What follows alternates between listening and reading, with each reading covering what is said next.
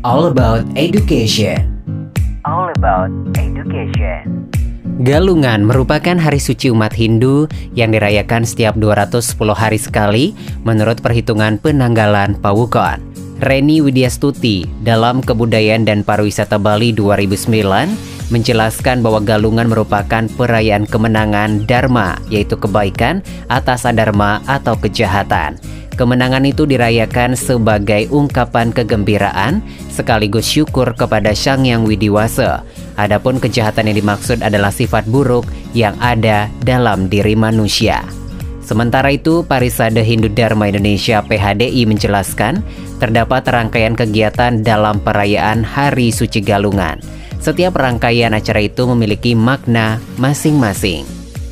Sugihan Bali Rangkaian Sugihan Jawa dilanjutkan dengan Sugihan Bali. Upacara Sugihan Bali ini bermakna penyucian atau pembersihan diri sendiri yang disebut sebagai Buana Alit. Mengutip laman pemerintah Kabupaten Buleleng, tata cara pelaksanaan Sugihan Bali adalah dengan mandi, melakukan pembersihan secara fisik, dan memohon tirta gocara kepada Sulinggi. Rangkaian kegiatan itu sebagai simbol penyucian jiwa raga untuk menyongsong Hari Galungan yang sudah semakin dekat. Sugian Bali dirayakan setiap hari Jumat Kliwon, Wuku Sungsa. All About Education dipersembahkan oleh Sonora Bali FM 98,9